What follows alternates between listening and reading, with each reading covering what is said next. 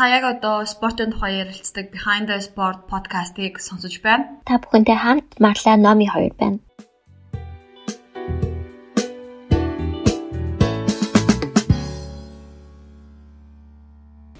Бүгдээрээ сайн байцгаана уу? Та бүхэнд энэ өдрийн мэндийг хүргэе. Манай спортын тухай ярилцдаг Behind the Sport podcast-ын шинэ дугаар та бүхэндээ хүрэхэд бэлэн болоод байна. Бид энэ удаагийнхаа дугаараар Олимпийн наадмууд хэрхэн хүрээлэн борчин дээлтэй болж буй талаар болон олон улсын Олимпийн орноос 2020 оныг хүртэл тавьсан доктортой хөгжлийн зорилтуудын талаар нэлээд дэлгэрэнгүй ярилцахаар бэлдсэн байгаа. Энэ удаагийнхаа дугаарыг бид хүрээлэн буй орчны асуудлуудыг хөндөж ярилцдаг Ногоон подкаст Sustainable Монголтой хамтран бэлтгэсэн байгаа. За тэгэхээр олон улсын олимпийн хороо маань спортын менежментийг хариуцж авч байгаа том байгууллагынхаа хувьд маш олон менежментийн үйл ажиллагааг одоо ингээд төлөвлөө зорилгоо болгоод ажиллаж байгаа юм байна л да. Тэгэхээр энэ 18 зорилго гэж үүнээр ингээд гаргаад ирсэн. Нэрийн талаар бид ярилцахаар болоод байна. Тэгэхээр спорт өөрөө яагаад энэ доктортой хөгжлийн уриалах болсон бэ гэхээр спорт нь олимпийн наадмаар дамжуулж ив найрамдал, инх тайван, нөхөрлөл бүгдийг сурталчилж зорилготой хамгийн одоо хүчтэй хэрэгсэл гэж явдаг те. Олон улсад яг эерэг зүйлүүдээс сурчлах зорилготой хүчтэй хэрэгсэл гэж явдаг учраас одоо энэ Парисын агриментаас хойш олон хүмүүсүүдэд доктортой өөрчлөлт сурчлахад бол хамгийн түрүүн фронтод ингэж алхаж явж байгаа салбар салбар ойлгож болох юм шүү дээ. Олимпийн хөдөлгөөнд хийн доктортой хөгжлийн түүх болохоор бас нэлээдгүй олон жилийн өмнөөс эхэлсэн байт юм байна. Анх 92 оны онд болсон Альбервиллийн өвлийн олимп олон нийтээс анх удаага байгаль орчинд маш сөргөөр нөлөөлсөн юм гэсэн шүүмжлэл хүртсэн байдаг юм байна. Үүнээс хойш олон улсын олимпийн ороо ер нь үйл ажиллагааныхаа чиглэл олимпийн хөдөлгөөн, олимпийн наадмуудаа энэ доктортой хөгжил гэсэн хогтгооныг тусгах хэрэгтэй гэж үзсэн. Тэгээд хамгийн анх болохоор 1994 онд Лила Хамрын өвлийн олимпийн наадамд анхны ногоон санал санаачлагуудыг тусгаж эхэлсэн байд. Тэгээд 1996 онд болохоор Олимпийн харт буюу одоо Олимпийн хөдөлгөөн дотор олон Олимпийн хороо дотор ингээд дагаж мөрддөг үндсэн хууль гэж хэлж болно тий. Хартынхаа хүрээнд доктортой хөгжлийг дэмжиж уялдаа холбоотой ажиллана гэсэн заалт оруулсан байт юм байна. 2000 оны Сиднейн зуны Олимп ногоон олимп гэсэн агуулгын дор зохион байгуулагдаж байсан юм байна. 2012 онд Лондонгийн зуны олимп болохоор анхны доктортой хөгжлийг дэмжсэн олимпийн наадам олимпийн наадам гэж юм байна.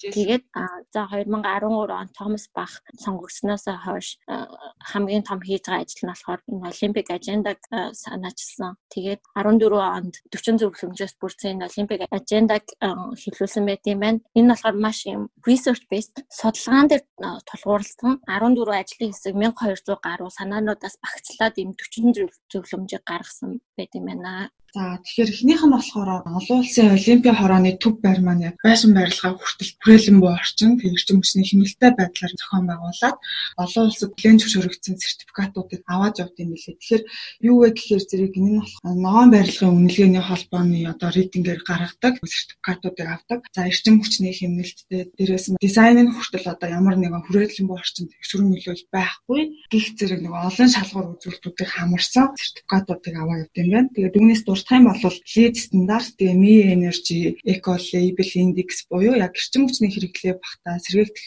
байгууламжийн ногоон шоших за тэгээд Швейцарын доктортой барилгын стандарт зэргийг хангасан барилга байгууламжаас эхлээд энэ үйл ажиллагаа өрнүүлээд эхлэж явж байгаа. Мэдээ эхний зорилготойгоо шууд холбогдож байгаа юм байлээ. Аа. Одоо ус ашиглалтаа яаж одоо хэмнэх эрчим хүчний хэрэглээгээ яаж багасгах юм тухайн одоо барилгаас гарч байгаа барилгын хог хаягдалч гэлтгүй бусад хог хаягдлуудаа хэрхэн яаж алгаж ангилах вэ гэдэг нь болохоор яг тэр шалгуур үзүүлэлт нь ороо явцдаг. Олон улсын олимпийн ороо шинэ барилга барихтаа болохоор өөрсдөө топ партнеруудынхаа бас хүчийг ашигласан юм билээ. Одоо нөгөө DAW гэдэг компани байгаа ш топ партнерын нэг. Тэр болохоор ерөөдөө халаалтын систем өөр шалны sustainable шалны наалт ингээд айгүй олон материалаар ингэж хангасан. Тэр талаараас зардал хэмнэх тал дээр ч юм уу давуу талтай байсан. Ногоон барилга байгууламжийг зураг төслөөс нь ахуулаад цагаад яг барилга байгууламж болох хүртэл нэлээ их зардал шаарддаг. А гэхдээ үүний одоо гол үр дүн гэх юм бол маш их хэмжээний байгалийн нөөцүүдийг хэмнэх боломжтой байдаг. Тэгээ цахилгаан эрчим хүч уус ашиглал тэгээ хоккей менежмент гэд гарч байгаа үр ашиг нь болохоор үүнээсээ илүү байдаг болохоор яг шилжилтийн бүс дээр хүмүүс орох уу яах уу орох уу яах уу гэсэн нэг тийм эргэлзээтэй байр суурьтай байгаа гэдэг юм лээ. Тэгэхээр яг олимпиа хороо маань болохоор өөртөө ингээд спортын салбар спортоор дамжуулаад хүмүүст хүрээлэн боорсны хамгаалах боломжтой маа гэдэг үйлдэлээрээ бас бий болгоо явж байгаа гэж хараад байна л да. Тийм шүү дээ. Нөө манай Томс Бах ах маань өөрөө доктортой хөгжлийг бол шинэ үеийн таниулж түгээх бол бидний үүрэг гэд хэлж зарлаад энэ одоо зорилтод кампайнуудаа хийгээ явж байгаа шүү дээ. Анх энэ 2013 онд одоогийн ерөнхийлөгч Томас Бах сонгогдсноосоо хийж хамгийн том хийсэн ажлуудынх нь нэг нь болохоор Олимпик аженда 2020 буюу энэ стратегийн олимп олон улсын олимпийн орооны болон олимпийн хөдөлгөөн дэх стратегийн хөтөж байдаг. Энэ хөтөчийн үндсэн гурван зорилтынх нь нэг нь болохоор яг энэ доктортой хөгжил, хүрээлэн буй орчны асуудлуудад чиглэсэн чиглэл байгаа. Түрүүн чи нэг хэлснээр энийгээ бас одоо бусад хамтрагч томоохон байгууллагуудтайгаа партнершип үүсгээд тэгээ хамтдаа ингээд аль аль талтай ашигтай байдлаар ингээд хийгээд явж исэн ингээд энэ дээр бичсэн байна л да. Тэгэхээр Coca-Cola тэгээ P&G гэдэг яг нөгөө нэг томоохон одоо спортын үйл явдлууд дээр ингээд ивент тэтгэгчдэр оролцдог одоо байгууллага маань хүртэл үнтэй бас ингээд холбоотой болоод ирчихэж байгаа гэсэн үг. Тийм олонсын олимпийн ороо доктортой өөрчлөлийг сурталчлах үйл ажиллагаанд тавьсан нэг одоо хүртэл хийгдсэний 18 зорилтууд үйл ажиллагааг бол ингээ ангилж үзэх юм бол спортын байгууллагууд, олимпийн хөдөлгөөн, олимпийн наадам гэсэн хэсгүүд төр ингээ хуваагдаж өөртөө үйл ажиллагаа ингэж нэлээд зэгцэлж авсан. Тэрний яг олимпийн хөдөлгөөн хэсэг дээр буюу олимпийн наадмын албан ёсны түнш, Coca-Cola, Toyota зэрэг одоо стратегийн түншлүүдээ тэдний нь ч гэсэн үйл ажиллагаан дээр доктортой хөгжлийг спорт сурчлаач тий олимпийн наадамд жишээ нь том том хаусууд баригддаг. Тэдрэн дээр яг өөрсдийнхөө үлгэр жишээ дээр үйлдэлүүдээ олон нийтэд таниулан сурчлаач гэдэг. Шаардлага болон чиглэл гайденсуудыг өгчөөж өгсний дагуу бол энэ том том байгууллагууд бол яг энэ нэгнээнд бол нэгдсэн байдаг Тэгэхээр 18 зорилгоудаа хэдүүлээ бас яриа уу. Тэгээ хүмүүс бас ялахгүй яж магадгүй 17 зорилго 18 зорилго гэж за 17 зорилго нь болохоор доктортой хөгжлийн 17 зорилго гэж байдаг. А энэ нь болохоор бидний 18 гэж яриад байгаа нь болохоор олон улсын олимпийн хорооноос гаргасан 18 зорилго болоод явж байгаа гэсэн үг. Жохон эргэлзэж байгаа гэж бодоод. 17 нь болохоор нүүбийн доктортой хөгжлийн 17 зорилт гэж байгаа. 18 нь болохоор олон улсын олимпийн хорооноос гаргасан доктортой хөгжлийн төлөөх ийм 18 зорилго байгаа. Зорилтод ажиллаад тийм. Энэ 18-ага дотор нь болохоор яг 3 хуваацсан байгаа. Тэр нь олон улсын олимпийн хороо энэ 3 энэ 18 зорилтод ямар өөрөг ролоор оролцох онцгой ингээ 3 баазан байгаа. Албан олон улсын олимпийн хороо албан байгууллага гэдэг утгаараа олон улсын олимпийн хороо олимпийн наадмын зохион байгуулагч гэдэг утгаараа олон улсын олимпийн хороо энэ олимпийн хөдөлгөөнд лид хийж байгаа тийм манлайлагч гэдэг утгаараа ингээ 3 өөр өөрөөр бас яаж энэ 18 зорилтод хандах юм бэ гэдгийг ингээ ялгаад өгсөн байгаа. Хамгийн ихний одоо зорилт бол Олимпийн наадам өөрөөсөө эхэлсэн байгаа. Одоо бед сад гэрээ тус гэдэг шиг өөрийнхөө төв байрыг олон шинжлэх тарсан ногоон барилга болгож одоо түрүүн зулаагийн хэлсэн хамгийн том сертификатыг нь өөртөө эзэмшиж эхэлсэн байгаа шүү дээ. Тэгээд Олимпийн төв байрын одоо тэр шинжилсэн загвар ашиглалт тэр одоо инженерийн систем дээр бол үнэхээр ялцчгүй төвчлөлтөд технологи ногоон байгууламжийн бол жишг барилга болсон гэхэд бол сэтгэл ахaltaа. Аа. Тэр ингээд харахад одоо Усныхаа хэрэглээг 60%-аар багасгасан. Одоо өмнөх барилга байгууламжаа харахад эрчим хүчнийхаа хэрэглээг 35%-аар багасгаад яг барилгын хог хаягдлаа болохоор 95%-ийг нь дахин боловсруулсан гэд дурдсан байгаа аахгүй. Тэгснээр буцаад одоо нийт эрчим хүчнийхаа одоо хэрэглээг сэргээгдэх эрчим хүчээр хангадаг нарны панелыг ингээд байршуулснаар ингэснээр одоо юу гэдэг чинь шатах тослох одоо материалаар ингээд бий болж байгаа. Одоо байгалийн нөөцийг ашигласан эрчим хүчийг хэрэглэхгүйгээр илүү нөгөө сэргээгдэх эрчим хүч рүү бас ингээ орж ирж байна гэдэг нэг тийм хайлайтыг энэ дэр тэмдэглээд өгсөн мөлий. Аха энэ нь болохоор зорилт хоёртой шууд холбогдчихж байгаа. Тэгээ Олимпийн орооны барилгуудын эрчим хүчний ашиглалтыг үр дүндээ болгох гээд хоёр дахь зорилттой нь холбогдож байгаа юм байлээ. Тэгэхээр яг энэ шинээр ашиглалтанд орсон олимпийн олон улсын олимпийн орооны барилга маань яг дээврийнхаа хэсэгт 1000 м квадрат бүхий нарны зай хураагуурыг байршуулсан. Эндээсээ цахилгаан болон дулааны бүх хэрэгцээгээ ингээ хангаж байгаа юм билээ. За тэгээд энэ нь болохоор ISO стандарт тэгээд LEED стандартуудаа ерөнхийдөө бүгднийг ингээ хангаж байгаа үйл ажиллагаа болж байгаа юм билээ. За гурав дахь зорилго маань юу байгаа лээ? Гурав дахь маань түрүүний дурдсан стратегийн түншлэл топ партнеруудаа Олимпийн наадмын үеэр үйл ажиллагаа болон бүтээтгүүлжлэгээ хог баядал багтаа доктортой байх талаар уриалсан зорилт байгаа. Аха энэ дээр нэмээд хэлэхэд олон улсын олимпийн хороо ийм шат шатанд олон ийм түнштэй хамтарч ажилладаг топ партнер гэдэг нь болохоор яг 14 топ партнер гэдэг бүх олимпийн наадмын үеэр хамтарч ажилладаг түнш байгаа. Хамгийн сүүлд гэхэд Airbnb компани өнгөрсөн оны сүүлээр нэгдсэн байгаа. Тийм шүү дээ тий.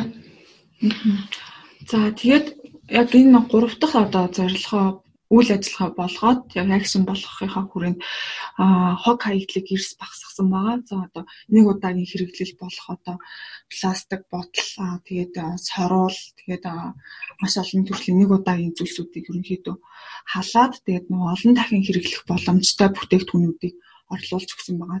Энэ болохоор яг өөрсдийнхөө олон улсын олимпийн хорооны барилга болон тэгээд OBS Olympic Broadcasting Services барилга Испани Мадридэд байдаг тэ headquarter нь тэгээд энэ Олимпийн музей кафе тэгээд IOC-ийн corporate event events-үүд дээр энэ single нэг удаагийн энэ пластик нуудыг бүгдийг байхгүй болгосон. Ахаа За дөрөв дэх зорилго буюу хог хаягдлыг эрс багасгах гэсэн энэ зорилтойгоо энэ зорилтынхаа хүрээнд олон улсын олимпийн орон өөрсдийнхөө байдлага байгууламжууд олох Швейцарын Лозан хотод байрладаг олон улсын олимпийн орооны төв салбар болон Испани Мадрид хотод байдаг олон улс Olympic Broadcasting Services тэгээд Олимпийн музей тэгээд олон улсын олимпийн орооны corporate event-үүд дээр нэг удаагийн пластик хэрэглэлүүдийг бүрэн хэрэглэхэ болсон байгаа. Харин тэгээ одоо тэгэхээр бид нар жишээ нь Монголд бол энийг буцаад яг ингээд нутагшуулаад хэрэглэх боломжтой байхгүй да. Яа тэгэхээр чинь Олимпийн ороо уулзалт хийхдээ нэг юм цаасан хувцраа цаасан хувцраа явчихсан ч гэсэн юм чинь юу штэ одоо дахиж одоо нөө хэрэглэгдэх юм дахин боловсруулах хатгад амар хэцүү ингээ харахад ингээ цаасан юм шиг нэ тэгээ доторх ингээ хэсэг нь ингээ гэлгар ингээ бүрэлттэй байдаг болохоор дахин боловсруулахад маш хэцүү тийм болохоор одоо шинэ яг бид нар жишээ нь олимпийн ороо уулзалт хийх юм уу спортын холбоотой уулзалтаа хийхдээ тэр цаас аягныхаа хэрэглэг халчж болно те. Шууд ингээд том шийлэн савтаа уустай явж байгаа листканууд дээр ингээд тавил хүн өөр өөрсдийнхээ листканыхаа нэрийг нь бичдэг ч юм уу те.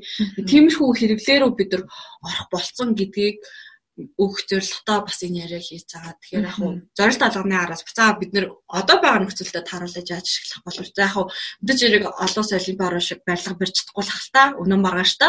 Зүйлтэй. Тийм. Гэтэ бол бид нар ядаж цаасаа аяг мэт юмнуудаа олж болчих боломжтой байгаа байхгүй тий. Би үүн дээр нэг жишээ хэлэхэд аа Bogota Mountain Trail гэдэг ультра марафон тэмцээн байдаг. За жил болгоны 7 сард зохион байгуулагддаг байгаа. За энэ дээр болохоор өмнөх жилүүдэд нь болохоор нэг удаагийн одоо нөгөө цэвэр уснуудыг маш их хэмжээгээр ингээд байршуулаад тавьсан. Тэгсэн хэрнээ яг богтаа уулны одоо яг тэр нөгөө нэг гүдэг хэсгүүдээр маш их хэмжээний ундааны ингээд самнууд хог хаягдал дараа нь ингээд үүсцэн. Тэрийгэ цэвэрлэх гэсэн чинь маш их хэмжээний асуудал үүссэн юм байна л да. Ингээд маш олон хүмүүс ингээд Google ингээд явцсан. Google яг тэр нөгөө маршрут хооронд ингээд яг тэр уулан дээр зөндөө олон нөгөө ундааны самнууд хаягдал болоо үлдсэн. За тэгвэл энийг яг яаж хийх боломжтой юм бэ гэж яг Богтаа Маунтин Трейлийг зохион байгуулдаг хүмүүс нь ярилцаад 2019 онд яг хүн болгон өөр өөрсдөө ингэсэн одоо усныхаа савтаа ирэх, ундааны савтаагаа ирэх. За тэгжээж тэрийг ингээ харж агаад бүртгэлжүүлж агаад ингээ бүртгэж авдаг тийм системийг зохион байгуулсан байсан. За тэгээд 10 10 км-ийн зайтай том том ингээд усныхаа цэгүүдээ ингээд баллонтой уснуудаа тавиад тэгээ баллонтой усны дээр тамирчин ингээд очингуудаа өөрөө авч явж байгаа аян дээр усаа хийгээд тэгээд цаашаага нөгөө цэг хүртлээ ингээд гүйж авсан нэг тийм үйл явц байгаа. Тэгэхээр надад болохоор тэр нь маш их таалагдсан. Яагаад вэ гэхээр ингээл гүлт болгоны дараа маш их хэмжээний хуванцар ундааны сав байгальд хаягдаа. Тэгээ тэрийг нь дараа нь хаад түүх гэж тэр маршрутын дагуу ахаад нэг хүмүүс ингэж явна гэдэг чинь. Чи ганцхан гүйлтийн тэмцээн дээр ч биш. Спортын ордон энэ тэмдгийн спортын үйл ажиллагаанууд дээр гардаг. Бидний цэвэрлэгч чичнэр ингээл цэвэрлээл тэ эсвэл нэг өөртөө хогоо цэвэрлэхэд бөөн пластик сав гаргаал яхаар сэтгэл өвддөг шүү дээ. Тэрийг түүхэд сэтгэл нь хэрэг нэг өвдөжсэн тохиолдол ахгүй болол найзуудаа та нар хэдүүлээ хэрэглээгээ өөрчлөх болцсон байх шүү гэж хэлмээр байна.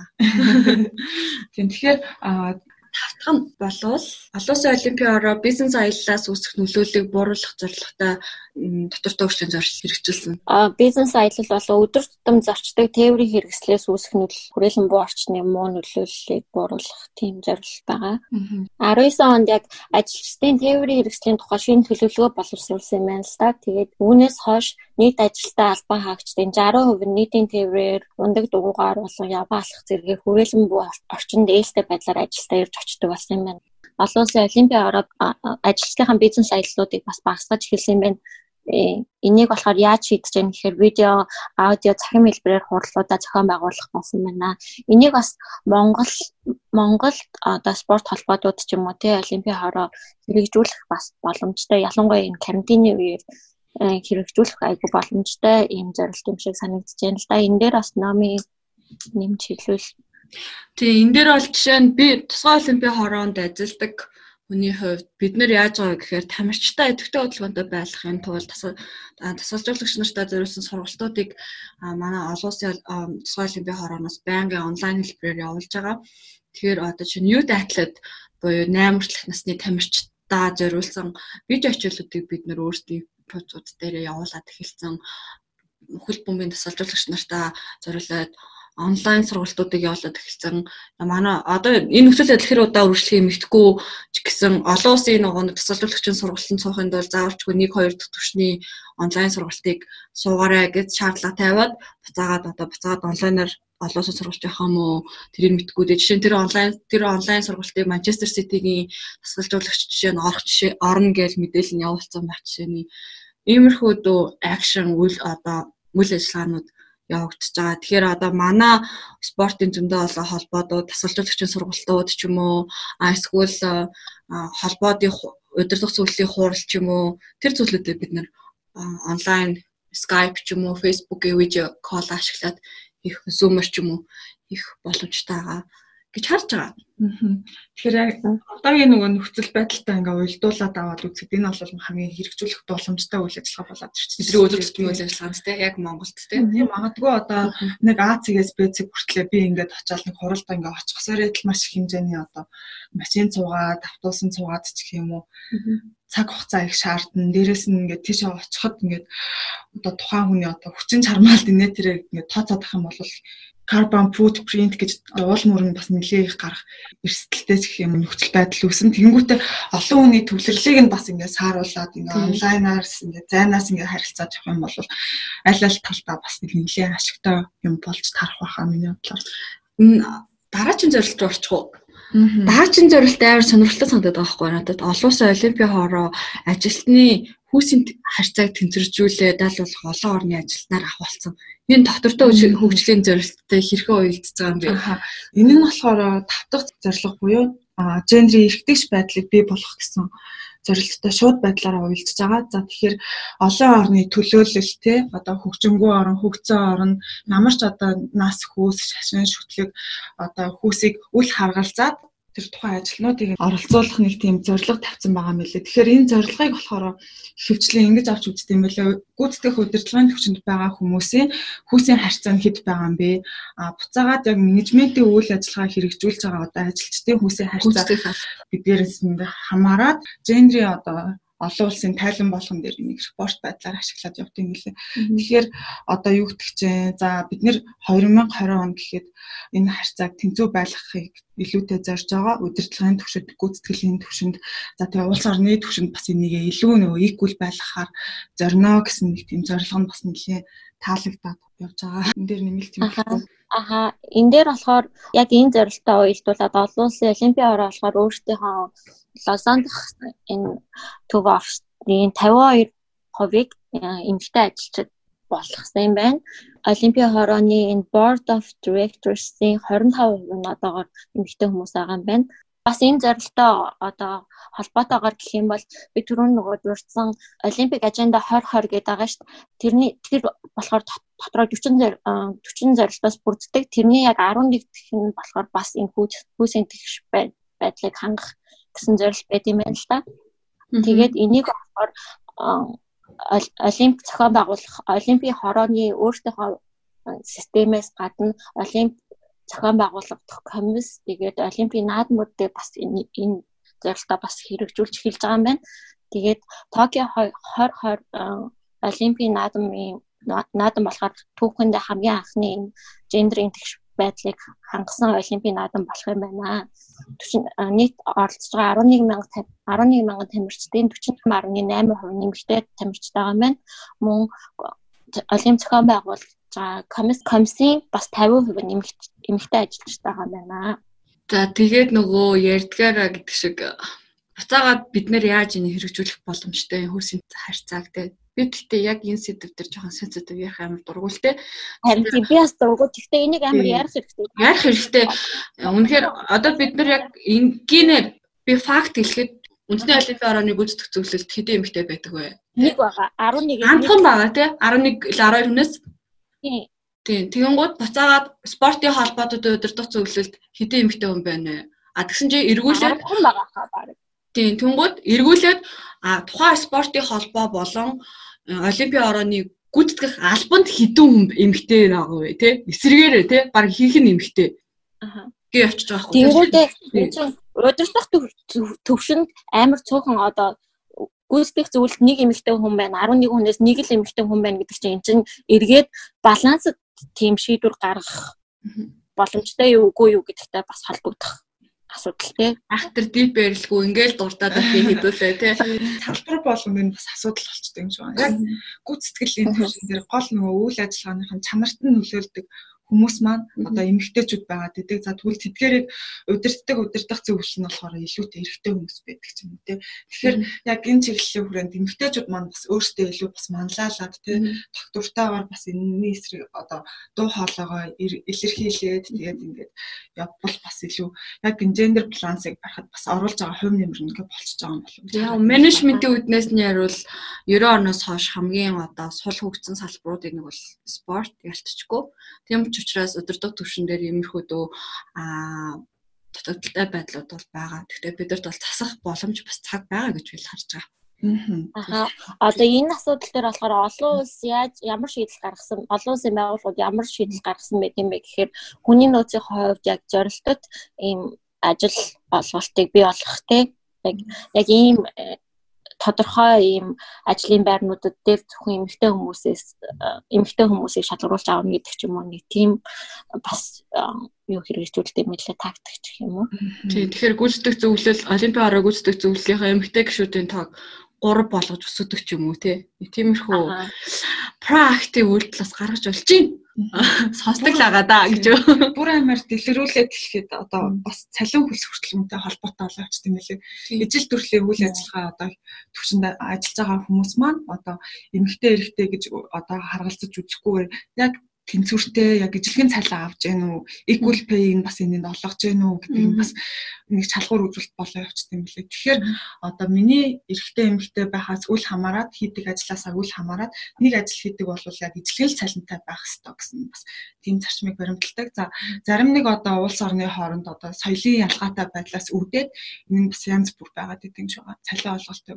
Тийм тийм. Тэр чинь их хөдөө байгаа шүү. За дараагийн зорилго руугаа орох уу тий. Тэгээд аа дараагийн зорилго нь болохоор яг илүү одоо эрүүл идэвхтэй амьдралын хэм маягийг сурталчлах. За эрүүл мэндийн хөтөлбөрийг илүү одоо цаашид олон улсын олимпийн холбоо маань илүү боловсронгуй болгох чиглэлээр зорилго болоод ажиллаж байгаа тий. Эрүүл амьдралын хэм маяг юм уу эрүүл амьдралын хэм маяг.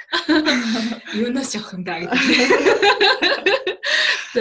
За тэгэхээр үүний хүрээнд яг за энэ ажилчдынхаа донд эрүүл амьдралын хэм маягийг сурчлах тэгээ ажилчдаа эрүүл юм хөдөлгөөнд ямар нэг хязгаарлалт үүсэхгүй байх юм. Ажлын байраа хангах энэ зорилтынхаа хүрээнд офисынхаа барилгыг эргономик эргономик дизайн болон дизайнтай хийснээс гадна агаарынх нь одоо байгуул барилга доторх агаарын чанартаас онцгой анхаарсан юм байна. Энэ агаарынхаа чанарыг бас дундаж шинээр ашиглалтанд байгаа байгууламжуудаас чим өндөр үзүүлэлттэй агаарын чанартай юм нэлээд олон улсын орны барилга нь яг архитекторынхаа шийдлийн хувьд нарны гэрэл өдрийн туршид хамгийн дээд хэмжээгээр тусч яхаар тийм бас шийдэл гаргаж өгсөн байна. Тэгээд дотроо мэдээж бусад ингээд олон улсын том том компаниудын жишгээр дотроо ажилчдаа зориулсан фитнес клуб тэгээд ийм амар гоё юутай юм лээ Garden-тэй тэгээд гадаа суудаг ийм э, гадаа суудаг ийм хоолны газрын нэг хэсэг гадаа суудаг. Тэгээд гаднаа ийм тоглоомын талбай малбай хүүхдүүд мөхтүүд авчруул яа тий алхаж малхах зориултаа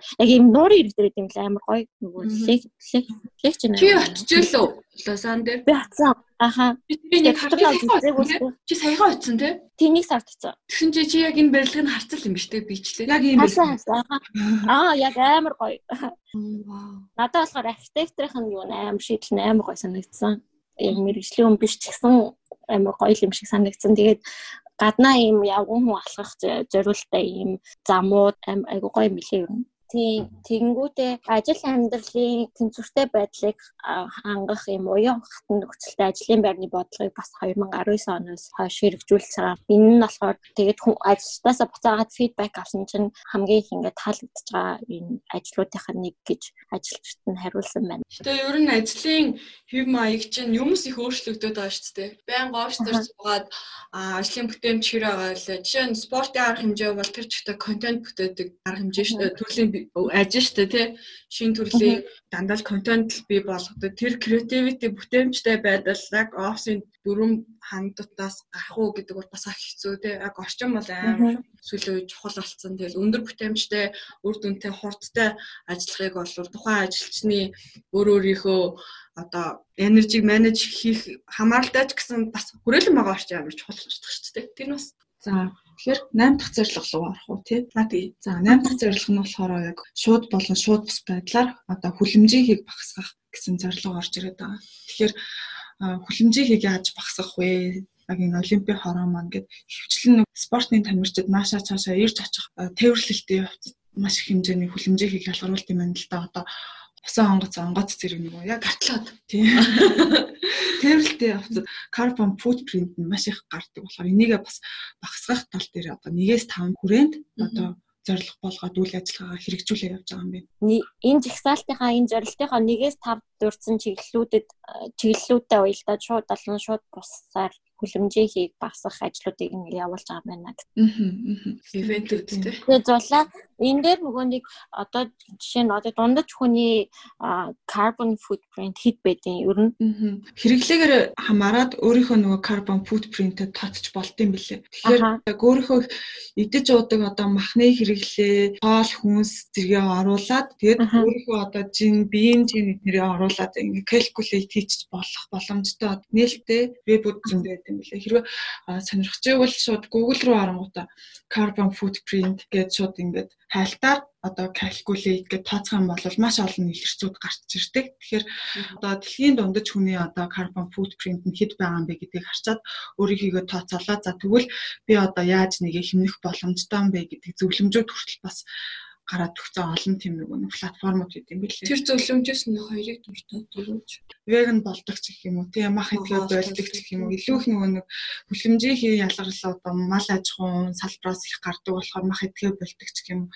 Тийм байдлаар бас шууд байдлаар ингээ хэрэглээгээ хязгаарлалцдаг байгаа. Аа аль эсвэл байнгын өдөр тутамд хэрэгэлдэг байсан одоо хөвшмөл болсон зан үлээ солидог ч гэх юм уу. Тэ өглөө болгон кофе авдаг байсан бол тэрийг ажил дээрээ ирээд ингээ өөрөө буцалгаад хийдэг ч гэх юм уу Тийм байдлаар яг өөрийнхөө аянд хийж болно шүү дээ. Өөрийнхөө аянд хийдэг ч юм уу тийм жижиггүй байдлаар бас өөртөө хэм маягаа өөрчлөх боломжтой. Болгон сэвгс копи авч байгаа гэмшдэг шүү. Энэ дээр тийм олон улсын олимпийн оруулахаар бүр ингээд наривчлсан дундаж ажилчдынх нь гаргаж байгаа энэ carbon footprint-ийг тэг хэмжсэн. Тэгэд энийг багасгах тал дээр айгүйх ажлууд санаачлаад хийж байгаа юм билээ. Гэхдээ ер нь бол олон улсын олимпийн орны энэ ажилчдын энэ бизнес аялал одоо онгоцоор хийгддэг те бизнес аяллууд олимпийн жил мөн үү таарж байгаа юу үгүй юу гэдгээс шалтгаалаад ингээд айгүй хэлбэлцэлтэй юм байна л та.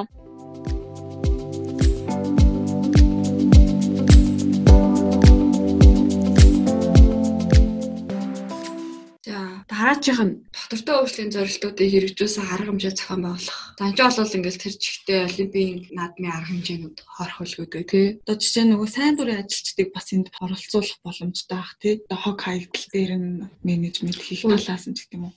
Тэр чинь өө тийм дээ. Тэр чинь бол зүгээр л хамгийн энгийн одоо хийх боломжтой зүйл. Тийм энэ дээр болохоор яг олон улсын олимпиараа яг дотроо байгууллага дотроо ISO 20121 гэх стандартын менежментийн системийг бий болгосон байгаа юм байна л да. Үүнийхээ хүрээнд 2018 онд болсон Olympism in Action гэдэг энэ арга хэмжээгээ 2019 онд болсон IOC session байгаа тий. Энэ үйл ажиллагаануудынхаа үеэр энэ систем амжилтаагаар турсан бай. Тэгээд энэс зөвхөн байгууллага дотроо гэдгээс гадна энэ нь болохоор бас олимпийн хөтөлбөрийн дотроо олимпийн наадмууд зохион байгуулалтын дээр бас ярилцаад явчихнаа. Ер нь л сүүлийн одоогийн 2020 оны Токиогийн олимп бол хамгийн классик хувилбар нь болох гээд бэлтгэжэл шүү дээ. Тийм. Хамгийн анхны энэ хүрээлэн буу орчинд ээлтэй дуртай хөгжлийг дэмжсэн олимп болохоор Лондон 2012 зуны олимп юм байна. Одоо эн чинь айгүй олон талаас нь ярьж байгаа шүү дээ. Заагаад энэ дэм байгууллагуудаа юунд ашиглаж байгаа гэдэг олон талаас нь үнэлсэг нэг баглаа. Тэгээд тэрнийхээ үүднээс хамгийн анхны sustainable олимп геймс юм. Хоёр Лондон 2012 болохоор 20 онд энийг улам боловсронгуй болгох тал дээр бас айгүй их ажил хийж байгаа. Би нөгөө саяхан мега спортын мега арга хэмжээ зохион байгуулалттай холбоотой судалгааны ажлууд уншижсэн чинь ер нь бол олимпийн наадам болон спортын мега арга хэмжээ зохион байгуулахыг үр дүнгийн тэдний бүтээж байгаа legacy буюу өвөр нь хэмждэг хооронд ингээ хуваач эдийн засгийн legacy, urban буюу хотол хотын хувьд үүсгэж байгаа legacy өв нь юу юм? Залуучуудаа үүсгэж байгаа хувь нь юу юм? Эсвэл гэр бүтцээр үүсгэж байгаа өв нь юу юм гэдэг юм уу? Нэг юм 4 5 хэсэгтэй байдаг гэсэн чинь одоо бүр сүүлийн үед sustainable legacy нь юу юм гэдэг тийм судалгааны ажил гаргасан байгаа байхгүй юу? Тийм тийм болохоор одоо олимпийн хөдөлгөөнөөр дамжуулаад спортын байгууллагууд, спортын арга хэмжээнүүдийг илүү доктортой болгох дээр бол олон улсын олимпиад хороо бол айгүй дөрөвтэй бүр ингээд айхтар нарийн ажиллаж байгаа. Айгүй айхтар нарийн ажиллаж байгаа. Онцгой анхаарч ажиллаж байгаа. Онцгой анхаарч ажиллаж байгаа. Тэгээд шууд баг 10 дахь зорилго руу орчлоо шүү дээ. Тийм тэгчлээ. Олимпийн одоо наадам зохион байгуулах хотуудыг шалгаруулахдаа одоо тухайн одоо хот маань тогтвортой хөгжлийн зорилтуудыг хэрхэн яаж тусгасан байдаг вэ гэдэг нэг шалгуур үзүүлэлт болоод ирчдэг. Одоо жишээ нь Улаанбаатарт нэг үйл ажиллагаа зохион байгууллаа гэж бодоход Улаанбаатар хотын тогтвортой хөгжлийн үзэл баримтлал нь юу юм? Яг ямар чиглэлээр ажилладаг тэрэн дээр ач холбогдлууд юм уу анхаарал одоо үг юм уу гэдэг нь болохоор нэг шалгуур үзэл болоод ирчихэж байгаа гэсэн. Тэгэхээр яг ганц одоо юу гэдэг чинь олимпийн хороо маань зөвхөн энэ ажлыг хийхгүй одоо бусад нөгөө спортын байгууллага бусад нөгөө нэг салбар хоорондынхоо уялдаа холбоог сайжруулснараа энийг бас илүү нэмэгдүүлэх ингээ боломжтой гэж хараад байна л та. Аха. За энэ 10 дугаар зорилтоос эхлээд 10, 11, 12 нь болохоор яг дурын энэ яриад байгаа 18 зорилтуудын яг олон улсын олимпийн хороо олимп зохион байгуулагч гэдэг утгаараа ямар үүрэг орвол гүйцэтгэх юм бэ гэдгийг бас одоо ярьж эхэлж байна. Би саяхан нөгөө нэг манай ингээ охин Youth Olympic руу явсан баггүй юу? 2 сар чамаа чиний явдаг марлаа. Тэгээ би яг Жулайтай бид нар чинь яг яг энэ дугаарыг бараг 2 сараас эхэлж удалж эхэлсэн. Манай ингээ охин тэнд ажиллаж байгаа. Би энийг хэлэхгүй юу? Ийм юм хийж байгаа гэдгсэн чинь олон улсын олимпийн орон дээр бүр яг энэ доктортой хөгжлийн зорилтыг хэрэгжүүлэх тусдаа баг ажилладаг биш шүү. А тусдаа бүр Тийм тийм.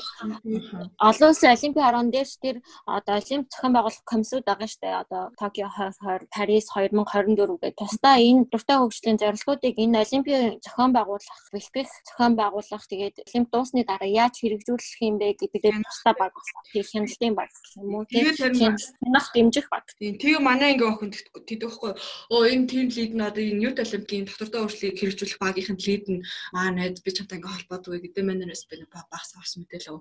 Тэгээ бүр оо ийм баг гэдэг үлцээ гэж бодсон байдаг. За за back to topic. Энэ дээр бас нөгөө ингэсэн манай ангийнхан бас нөгөө Токио 22 дээр тур хийгээд тэгээд тэрэн дээр яг манай програмаас өмнөх төгсөгч нь яг энэ юун дээр нь ажиллаж байгаа Токио 2020 organizing committee-гийн доктортой хөгжлийн зорилтыг яаж хэрэгжүүлэх вэ гэдэг багт ажиллаж байгаа хгүй. Тэгээд тэрнийхээ хүрээнд яг энэ Олимпик аженда 2020-ийн хүрээнд бид нар яг ийм ийм ажлуудыг уялдаж хийж байгаа гэж бид нарт нэг тийм семинар маяг хийжсэн байхгүй. Ингээд заасан юмудаас нэмээд байгаа хгүй. Ер нь л 10 11 12 дээр чинь хамгийн том олимпийн орооны хийсэн хамгийн том бол action бол Olympic Games Guide on Sustainable Source гэдэг бол хамгийн том зүйл гэж би хараад. Өөрөөр хэлэх юм бол олимпиад би зохион байгуулахаар саналаа өгж байгаа улс орнууд өөртөөгөө наадмыг яаж татвартай байлгах вэ гэдэг бүр зааврыг sustainable болох зааврыг хэрхэн хэрэгжүүлэх вэ? Ямар ямар их усруудыг ашиглах боломжтой гэсэн том айгүй том том guidance зааварчилгаануудыг гаргасан байгаа байхгүй. Тэгэхээр энэ бол олон улсын олимпийн орны хувьд дотор тууршлыг зөрчлөх хамгийн том үйл хэрэг гэж би харж байгаа. Шууд байдлаараа доктортой одоо байдлын стратеги боловсруулад одоо үүндээ ингээд шаардлагатай зүйлүүд нь одоо юу болоод байгаа юм бэ гэдэг илүү их шинжилээд гаргах зэн гэж би харсан. Тийм үү. Тийм энэ болохоор айгу маш наривчлалтай байгаа тий пластик хэрэглээг яаж яаж багасгахын тустай хөтөчтэй тэгэнгүүтээ carbon management хөтөч нь бас тустай тий ерөнхийдөө айгу наривчлалтай ингээд тус тусд нь айгу тодорхой болгоод өгсөн юм байлээ. Тэгэнгүүтээ энэ бүх гарын авилгууд нь олон улсын олимпи та бүхэн ингээд хайгаад үзэх юм бол олон улсын олимпи орооны энэ тогтвортой хөгжил гэсэн энэ пэйж дээр нь хуудсан дээр нь байж байгаа. Тэгэнгүүтээ олимп зохион байгуулж байгаа бүх компсууд энийг одоо мөрдлөг болгоод байгаа хэрэгжүүлж байгаа. Тийм тэгээд шалгаруулалт гэснээс 2032 оны зуны олимпийг Австрал зохион байгуулах хүсэлтэд илэрхийлээд байгаа. Тэгээд өнгөрсөн онд оны 9 сард Австралийн зохион байгуулах хүсэлтэй байгаа алтны хүмүүсийг олон улсын олимпиараа авч уулзаад уулзалтынхаа хүрээнд яг тогтвортой хөгжүүлийн хүрээлэн буй орчны асуудлуудад танай энэ зохион байгуулах комисс яаж хандж байгаа вэ гэдэг тал дээр айгу тэмдэглэрэнгүү яриа хийсэн юм байлээ. Тэгээ нэг энэ Парисын гэрээтэй холбоотой олон улсын олимпийн хоороо доктортой өөрчлөлийн зорилтыг яг 20 оны Токиогийн олимп, 22 оны Бээжингийн өвлийн олимпийн наадам, 24 оны Парисын зуны наадаар яг ингэж үе шаттай доктортой өөрчлөлийн арга хэмжээнүүдийг хийн гэж бас дурдсан байлээ. За 13 дахь зорилго нь илүү одоо нөгөө хамтарч ажиллаж байгаа байгууллагуудтайгаа энэ уялдаа холбоогоо сайжруулах чиглэлээр юу хийх вэ гэсэн зорилго байгаа. Түрүүн дурдчихсан Coca-Cola, тэгээ P&G, Toyota гэх компаниудтай хэрхэн яаж одоо хамтрах боломжтой юм бэ? Олимпийн наадмын хамтарч ажиллагаа байгууллагууд хоорондын уялдаа холбоог тогтвортой хөгжлийн хүрээнд сайжруулах хүрээнд маш олон ажлууд хийж байгаа. Ялангуяа Токио 2020 наадам бол хамгийн Токио 2020 Олимпийн наадам бол маш жишг ийм тогтвортой хөгжлийг дэмжсэн наадам болохоор ингээд зорж ажиллаж байгаа. Үүнийхээ хүрээнд маш сонирхолтой ийм олон төслүүдийг хэрэгжүүлж байгаа юм байна. Эндээс бас бид гурав ярих гэж бодож байна хамгийн эхлээд Procter and Gamble компани байгаа тий бас Олимпийн топ партнерууд партнерын нэг олон улсын Олимпийн орны топ партнерын нэг энэ компани болохоор Токио 2020 Олимпийн наадмын үеэр хуванцар хуванцрыг цуглуулад дахин боловсруулад түүгээрээ медалийн давцан хийх төсөл хэрэгжүүлж байгаа юм байна. Тийм тэгээд тэрэн дээр бас дахиад нэмээд хэлэхэд Coca-Cola өөртөөхөө цуглуулсан хуванцар савнуудыг ашиглаад Олимпийн наадмын зохион байгуулагч нар бол сайн дурын ажилтнуудад хувцас хийж байгаа бамбрыг аялуулах тий бамбрыг аялуулахад оролцсон хүмүүсүүдэд өмсүүлэх хувцас хийж байгаа. Аа мөн Токиогийн олимпийн бас нэг онцлог зүйл бол электрон машин Toyota-гийн хийж байгаа. Цахилгаан ажилтдаг машин. Тэр нь болохоор зөвхөн одоо албаны ажилтны ажилчдыг зөөх биш. Аа тамирчдыг одоо тухайн спортын зохион байгуулалт арга хэмжээ хүртэл зөөдөг автобуснууд байдаг. Том том тэр автобусуудыг ч гэсэн яг юм цахилгаанаар ажилтгаар бүр жолоочгүй тийм автобус хүртэл байгаа машинууд ингээ байгаа байхгүй. Тэр бас Toyota-гийн хувьд бол ийм ажил хийж байгаа. Тийм зөвхөн олимпийн наадмын үеэр биш мөн нөгөө олон улсын олимпийн хороонд өөрсдийнх нь хэрэглэн зориулаад бас дөрвөн ийм цалгаан машин өгсөн юм байлээ Toyota-гоос. Тэрийг одоо бас хэрэгжилж байгаа юм бил олон улсын олимпийн хороо. За тамирчдын тосгоныхон болохоор яг энэ гол цөмөн болсон тамирчдын плаза гэдээ байдаг. Тэнд болохоор гүнзний шгшээ агуудыг ухтах эсвэл болгон үүнийг яг олимпик хэлснээс хойш болохоор маш олон төрлийн үйлчлэг үзүүлдэг ATM одоо хоолны газар өсчм өсчм гэх мэт олон үйлчлэг үзүүлдэг ийм плазагийн яг бүхэлдээ модон каркасаар ингэж шийдэж өгсөн ийм барилга э, барьж байгаа юм байна л та. Тэгэнгүүтээ тэр модоо болохоор Японы 63 засаг захиргааны хэсгүүдээс авчирсан ийм модоор хийж байгаа юм байна. Э, Олимп дуусныхаа дараа болохоор энэ барилгаа нураагаад буцаагаад тэр 63 засаг захиргааныхаа нэгж рүү явуулаад тэрүүгээр нь тэр мужууд тэгээд нөгөө нэг э, хотууд болохоор буцаагаад сургуулийн сандал ширээ хийх ч юм уу эсвэл паркийн сандал хийх зэрэгээр буцаагаад ингээд ашиглах юм байлээ. Тэр нь айгүй гоё санагдсан.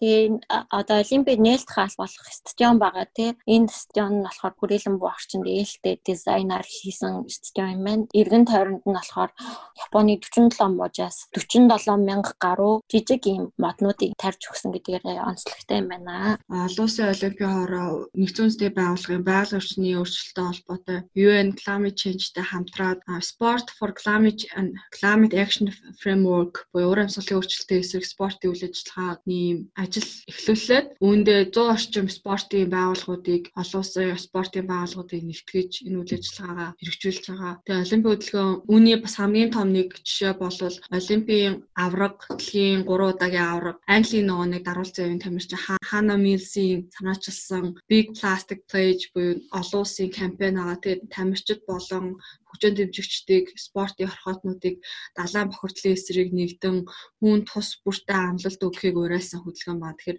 далайн бохирдол бол уур амьсгалын өөрчлөлттэй холбоотой айгүй эмзэг хамгийн том эмзэг асуудлуудын нэг байх жишээ нь. Тэнгуудаа бас нэг яг олимпийн хөдөлгөөний хүрээнд дурдах ёстой нэг зүйл бол carbon partner DAO буюу DAO санаачлага ба энэ болохоор олон улсын спортын холбоод уур амьсгалын өөрчлөлтийн эсрэг хийсэн одоо бит өвн яг энэ уур амьсгалын өөрчлөлтийн эсрэг тэмцэж байгаа салбар салбаруудын хувьд хамгийн том одоо шилдэг үйл ажиллагаа болцсон шагнал хүрсэн ийм яг үйл ажиллагаатай явж байгаа. Тэгэхээр жоохон нэрвчлээд ярихад яг энэ олимпийн хөдөлгөөний оролцогч талуудын эхлээд одоо энэ суур мэдээллийг нөгөө хүмүүстэй хүргэхийн тулд гол гурван ангиас сэдвэр семинар орсон гэж байгаа байхгүй юу. Тэгэхээр олимпийн хөдөлгөөнд одоо усны чанар уур амьсгалын өөрчлөлт гэж юу юм, тэгээ нүүрс төрөгчийн менежмент гэж юу, одоо хувцрын одоо менежмент гэж юу юм гэсэн суурь одоо мэдлэг мэдээллүүдийг нь орох үднээс семинар орчоод тэгээ дараа нь болохоор яг энэ олимпийн хөдөлгөөнд энийг илүү нөгөө үйл ажиллагаа болгоод ингээ хэрэгжүүлсэн гэдэг энэ дээрээ ерөнхийдөө товчлоо бичсэн байна л да. А нэмээд хэлэхэд 2017 оноос Нүбийн хүрээлэн боо орчин хөтөлбөрөөс хэрэгжүүлж байгаа Clean Seas гэдэг компанид ажил байд юм байна. А улс орнуудын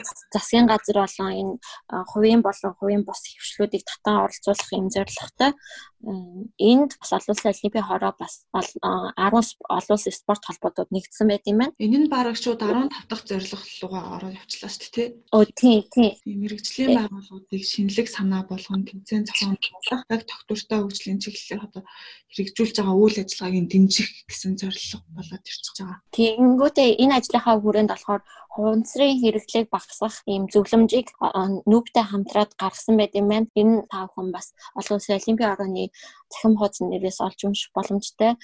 Энэ зөвлөмжийн дагуу олон улсын спорт холбоотууд өөрсдийнхөө арга хэмжээг зохион байгуулахдаа бас энэ хуванцар хуванцрынхаа хэрэглээг яаж багасгах вэ гэдэг дээр маш үр бүтээлтэй ажлууд хийгээ явж байгаа юм байна хунцрын хэрэглэг багасгахын зөвлөмжийнхаа хүрээнд 5R буюу ийм юг зөвлөмжийг багтаасан байт юм байна. Энд нь болохоор refuse, reduce, reuse and replace, recycle гэдэг. Тэгээд жишээ нь энэ Chicago's White Sox гэдэг бейсболын лигийн баг өөрсдийнхөө стадионд нэг удаагийн пластик ийм саруулгыг хэрэглэхэ болсон юм байна. Олон улсын серфингийн холбоо болохоор бас өөрсдийнхөө тэмцээнүүд тэмцээн уралдааныхаа үеэр нэг удаагийн хунцар усны савыг хэрэглэхэ зогсоосон байна. Нь Лондон маратон болвол зүгээр л зохион байгуулалтуудад дуусахад 750 мянга орчим хунзар бишээ хог үүрчдэг гэж байгаа хгүй. Буцаа тэрийг яаж ашиглах хэрэгтэй бэ гэд асуудлууд ярангууд спортоор дамжуулаад хүмүүсүүдийн хэрэглээг өөрчлөх, хандлагыг өөрчлөх зорилготой. Тэгэнгүүт бидний өдөрт олвол бидний үүсгэж байгаа нийт хунзар савны хэрэглээний ерөөсө 30 хүрхгүй хувийг нь л буцаагаа дахин боловсруулдаг.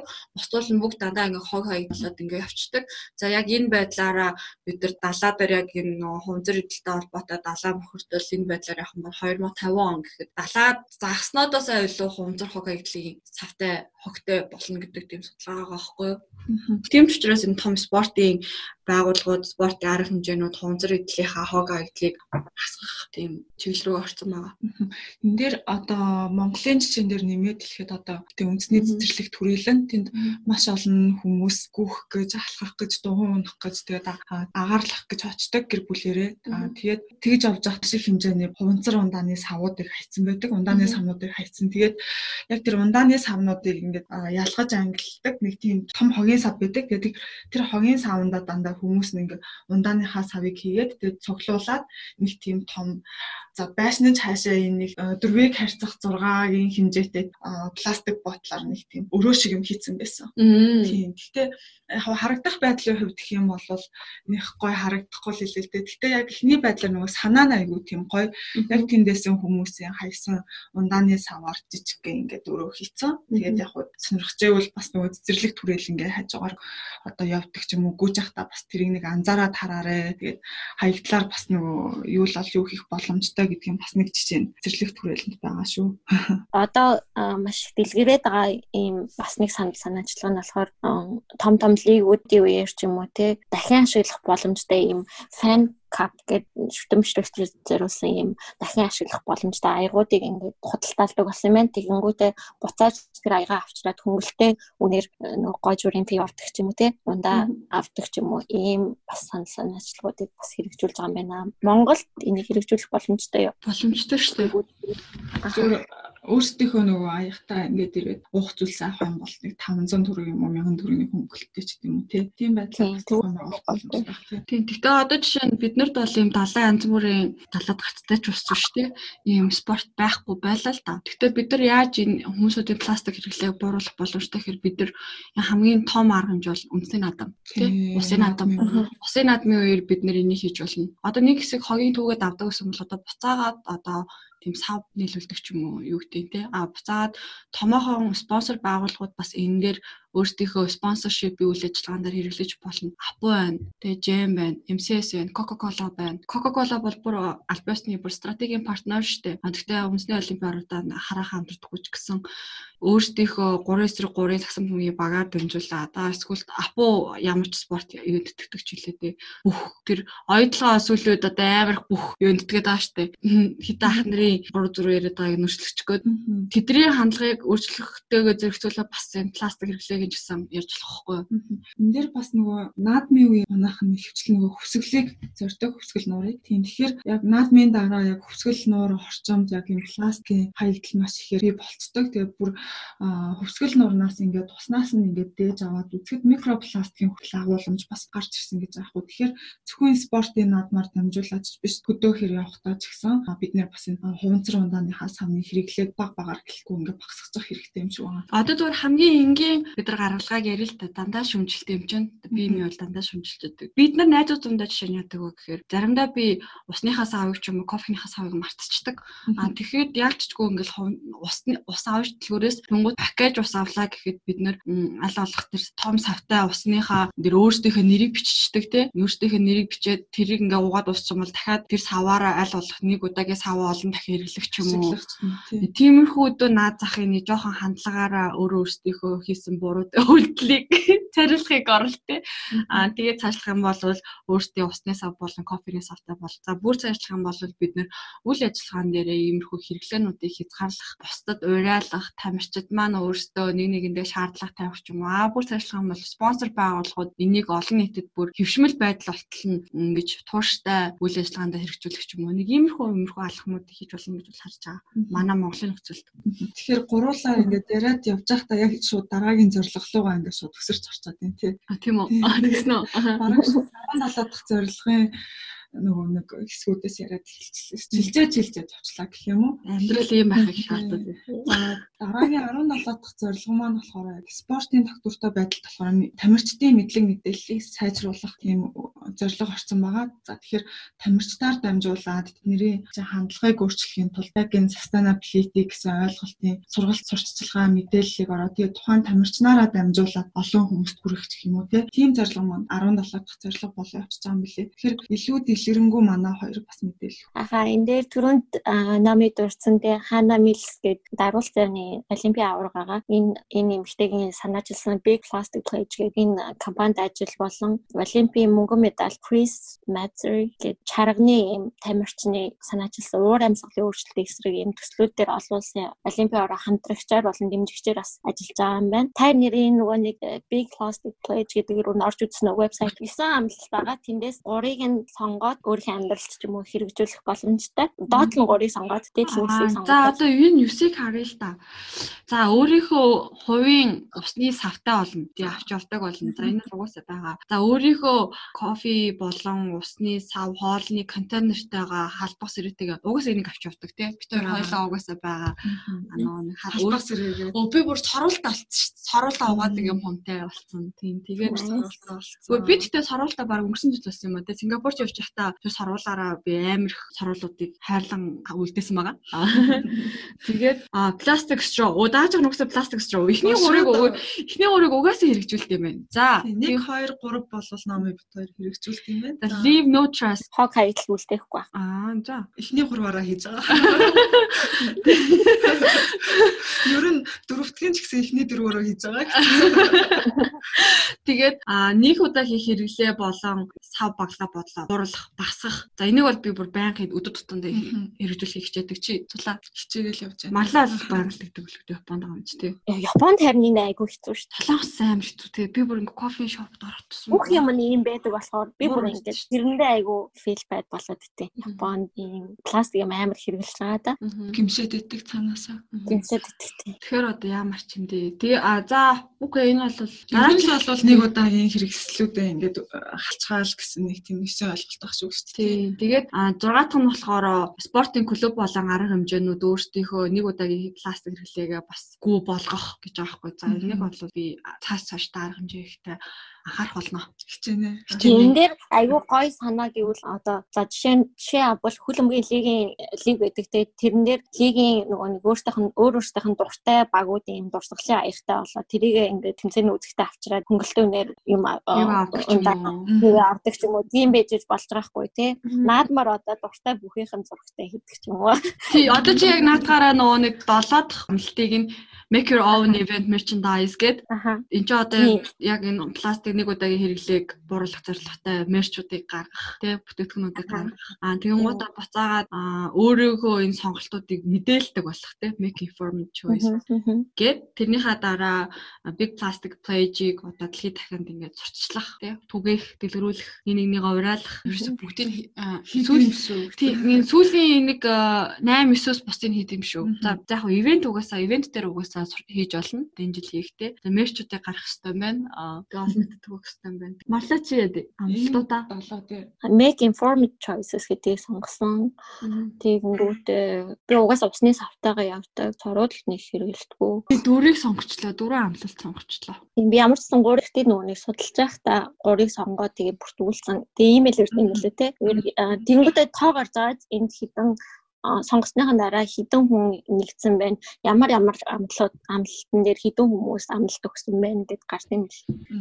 Тэгээд энэ компани энэ нөгөө нэг юу байгаа талаар буцаагаад имэйлээр нэгцэн тэгжэн нэг бас мэдээллүүд ирд юм лээ. За зөвхөн манай дээр тэгэхээр одоо яг ийм хөдөлгөөнийг одоо шууд хүмүүст ингээ хүргэчихээр тийм тамирчид гэх юм байж болох байх. Нэг бодлоор. За одоо тэгэл манай хэдэн бөхчүүдлээ шүү дээ гэдэг шиг. Манай олимпиа Олимпиа аваргууд энэ манай Сумья маа хүндэг маа Бадруугах маа нэ. Шумайр ах маа нэ. Манай асаа авраг маа нэ спортын алдартай бас энэ өөртөө энийг судлаад бас бусад хүмүүсийг уриалсан дуудаа тий. 3 эсрэг 3-ын цэцэг цэврүү шиг хитэн октод маань уу юм. Гэтэ ингээд бас ярьж байхад одоо зүгээр л энгийн хүмүүс одоо ингээд хэрэглээгээ өөрчлөе, хандлагаа өөрчлөе, нэг удаагийн одоо хэрэгслүүдэд багасгая гэж хэлхээсээ илүүтэй нэр нөлөө бүхий яг ингээд олонд танигдсан хүмүүс маань ингээд хэлээд эхлэхээр тэр хүнийг одоо маш олон одоо даган дуурайж байгаа шүтэмжрэгчд ч гэх юм уу. Тэгээд шүтдэг хүмүүс нь үйлдэлээр нь дамжуулаад илүү бас нөлөөлөх боломжтой гэдэг нэг сайн шаах шүү. Тийм. Тэгээ одоо энэ MCS апууч илүү том компаниуд дандаа спонсор хийгээд байдаг компаниуд өөрсдийнхөө үйл аж спонсорынхоо үйл ажиллагааг хэмжиж чадахгүй байгаа бол энэ доктортой өөрчлөлийн зорилтуудыг олон нийтэд зурчилсан промошн хийхэд одоо манай хоёр подкаст бол хамтран ажиллахад бол бэлэн байна гэж. Бас нэг сонирхолтой юм байсан чинь ингэжсэн ш нэрээ нөгөө 2019 оны Лондон марафоныг яг нэг ийм тойрог нь яг дахин боловсруул хунцар дахин боловсруулалт үйлдвэрийг ингээд тойрогт хийгээд тэнгүүтээ шууд гүйж ахта тэр ингээд савлаа тийм хийнгүүт тэр нь шууд дахин боловсрогдоод. Тэр бол айгу гой санаа юм шиг санагдсан. Лондонгийн марафон юу нэг айгу гой жишг юм юу юм лээ те. Аа сайн мэдж байгаа та марафон гэдэг. Сайн марафон гэснээс нөгөө Токиогийн марафон 3 сарын нэгэнд болох хэрэгтэй байсан. Тэгээ дэр бас маш их хэмжээний хүмүүс оролцох байсныг нь болоод яг зөвхөн мэрэгжлийн тамирчдыг нь л гараанаас гаргасан. Нилээ мэрэгжлийн тамирчид тэгээ бас нөгөө вилчээр нөгөө тэрэгцэртэй тамирчдыг гараанаас гаргаад үлдсэн хүмүүс маань бас оролцоогүй юм лээ. Тэгэхээр маш олон жилийн хугацаанд бэлтгэл хийсэн хүмүүсийн хүсэл мөрөөдөл болсон марафон ковид-19-ээс болоод хашлагдлаа. Хэдүүлээ бас 18 дахь зорилго нь хүрэх гээд явж гин гэж ойлгож болох юм шүү дээ. Тийм тийм. Олон хүмүүстийн чиглэлийн мэдээллийг хүргэх, түгээх үйл явцыг бас энэ подкастаар дамжуулаад хийж байна. Тийм тийм. Зүтгэх юм бол бид нар бол хамгийн түрүүнд энэ хунзар эдлийн хэрэглээг бол багасгах бол бүрэн боломжтой. За за тэгэхээр олон улсын олимпийн хороо за тэгээ олимпийн наадмууд хүрээлэн буй орчин, байгаль орчин доктортой хөгжлийн зорилго төрхийн тулд ямар зорилго зорилт тавиад байгаа талаар бид энэ удаагийн дугаараар ярилцлаа. Тэгээд манай Номи Марло хоёр маань бас нэлээд хүртээмжтэй мэдээллийг та бүхэндээ хуваалцлаа. За энэ удаагийн дугаараараа бид бас Sustainable Монгол подкасттай хамтран олимпийн наадам дах доктортой хөгжлийн зорилтуудыг ярьж доктортой хөгжлийн үзэл сурталыг дэлгэрүүлэхэд хоёр нэмэр оруулсандаа таатай байна. Баярлалаа. Цулаада баярлалаа. Цулаада баярлалаа урьд оролцуулсанд. За за тэгэхээр энэ удаагийн дугаар энд хүрээ төнгөрлөж байна. Тэгээд дараагийн дугаараар бас илүү сонирхолтой сэдвүүдийн хүрээнд ярилцах болно. Тэгээд шинэ подкаст маань спорттой холбоотой эргэн тойрны мэдээллүүдийг та бүхэндээ хүргэж явахаар байгаа юм байна. Дагаарай лайк хийгээрэй, subscribe хийгээрэй. Өөрсдийг минь хартаа share хийгээрэй. За за баярлалаа хоёроо. Баярлалаа. Баярлалаа хоёроо.